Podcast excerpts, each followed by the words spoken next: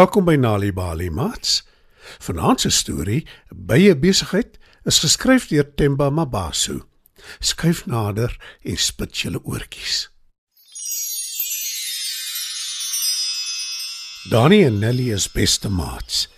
Hulle woon langs mekaar op 'n klein dorpie en hulle bring al hulle vrye tyd saam deur. Oorkant hulle huise is daar 'n oop stuk veld. Hulle speel graag daar, maar dan moet hulle versigtig wees soos wat hulle hulle ouers beloof het. Elkeen het 'n fluitjie wat hulle om hulle nekke dra. Sodra hulle voel hulle is nie veilig nie, kan hulle hard op die fluitjie blaas en hulp sal dadelik opdaag want hulle buurtwag is altyd op diens. Almal hou van Jenning. Sê Dani ernstig. Hy en Nelly bespreek besigheidsidees.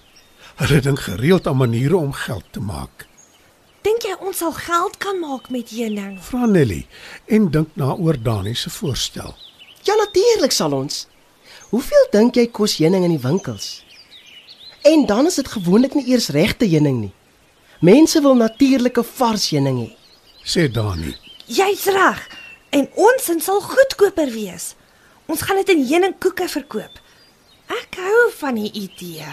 Sê Nelly terwyl sy iets op 'n stuk karton skryf. Nelly en Dani se heuning. Die twee glimlag van oor tot oor. Ek weet waar die byekorwe in die stuk veld is. En ek weet hoe om die heuning uit te haal. My oom het my geleer. Kom ons gaan soek heuning. Sê Dani. Hy en Nelly voeg die daad by die woord en gaan na die veld toe. En sommer gou-gou sien hulle 'n byekorf. Kom ons haal die heuning uit. Teen vanmiddag verkoop ons dit aan ons bure. Sê Nelly. Slim plan. Ek het alles wat ons nodig het.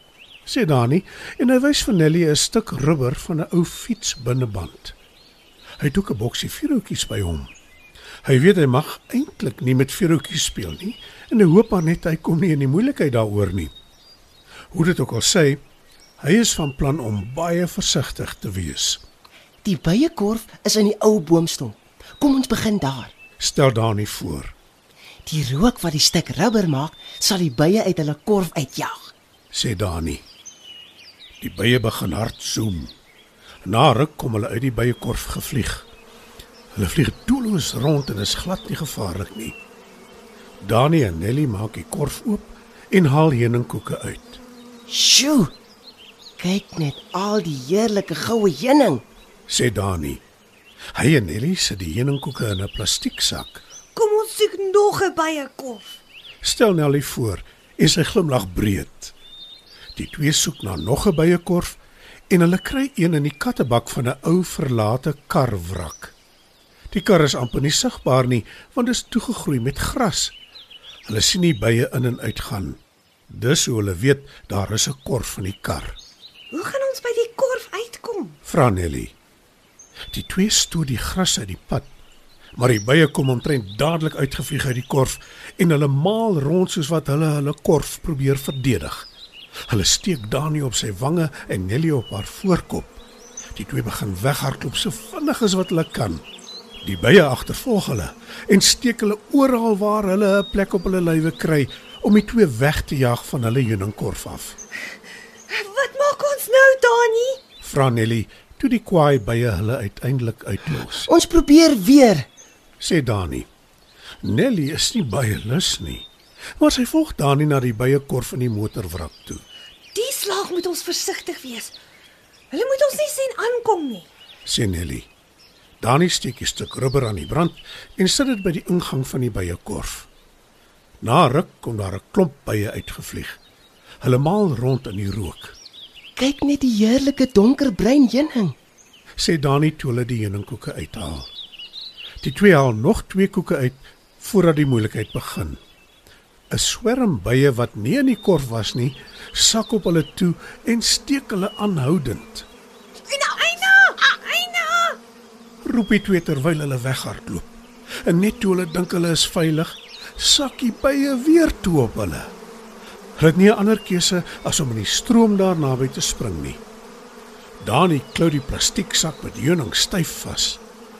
Toe die twee uiteindelik ontslae is van die bye, gaan sit hulle by die busstop in hulle straat met hulle plakkaat om die heuning te verkoop. Ek hoop ons kry heuning nadat ons so gesukkel het om dit in die hande te kry. Sê Nelly. Ek dink nie geld gaan dit die moeite werd maak nie. Kyk net na al die bysteke. Ons lyk verskriklik. Sê Dani. Die heuning is sommer gou uitverkoop. Die twee maats gaan na Dani se huis toe en beskou hulle self in die spieël. Ons oë is toegeswel. Sê Nelly. Die deurklokkie lui en toe hulle oopmaak, is dit een van die mense wat heuning by hulle gekoop het. Ek het julle heuning geproe. Mm, dis heerlik. Kan ek nog by julle bestel? Van die donkerbruin soort. Ek sal dit môre kom kry. Sê die kliënt. Dani en Nelly kyk bekommerd na mekaar. Hulle is beslis nie lus om nog heuning te gaan uithaal uit die ou karwrak nie. Jammer. Maar ons bye besigheid het toegemaak. Sê Dani en skud sy kop. Ag nee. Hoe so? Sê die kliënt verbaas. Ons kan nie weer die paie aandurf nie. Sê Nelly en vryf haar seer voorkop. Die twee dink hard oor hoe hulle die geld gaan bestee wat hulle gemaak het met die heuningverkope. Maar toe hulle ouers agterkom wat hulle gedoen het, is hulle baie vies. Bye is van die heel belangrikste insekte in die natuur en sonder hulle sal daar nie bestuiving wees nie. Dani en Nelly moet beloof dat hulle nooit weer so iets sal aanvang nie. Dit was dan ons Nali Bali storie vir vanaand. Bye besigheid is geskryf deur Temba Mabaso. Die storie is aangebied deur die Nali Bali lees vir Genotveldtog in samewerking met SABC Education.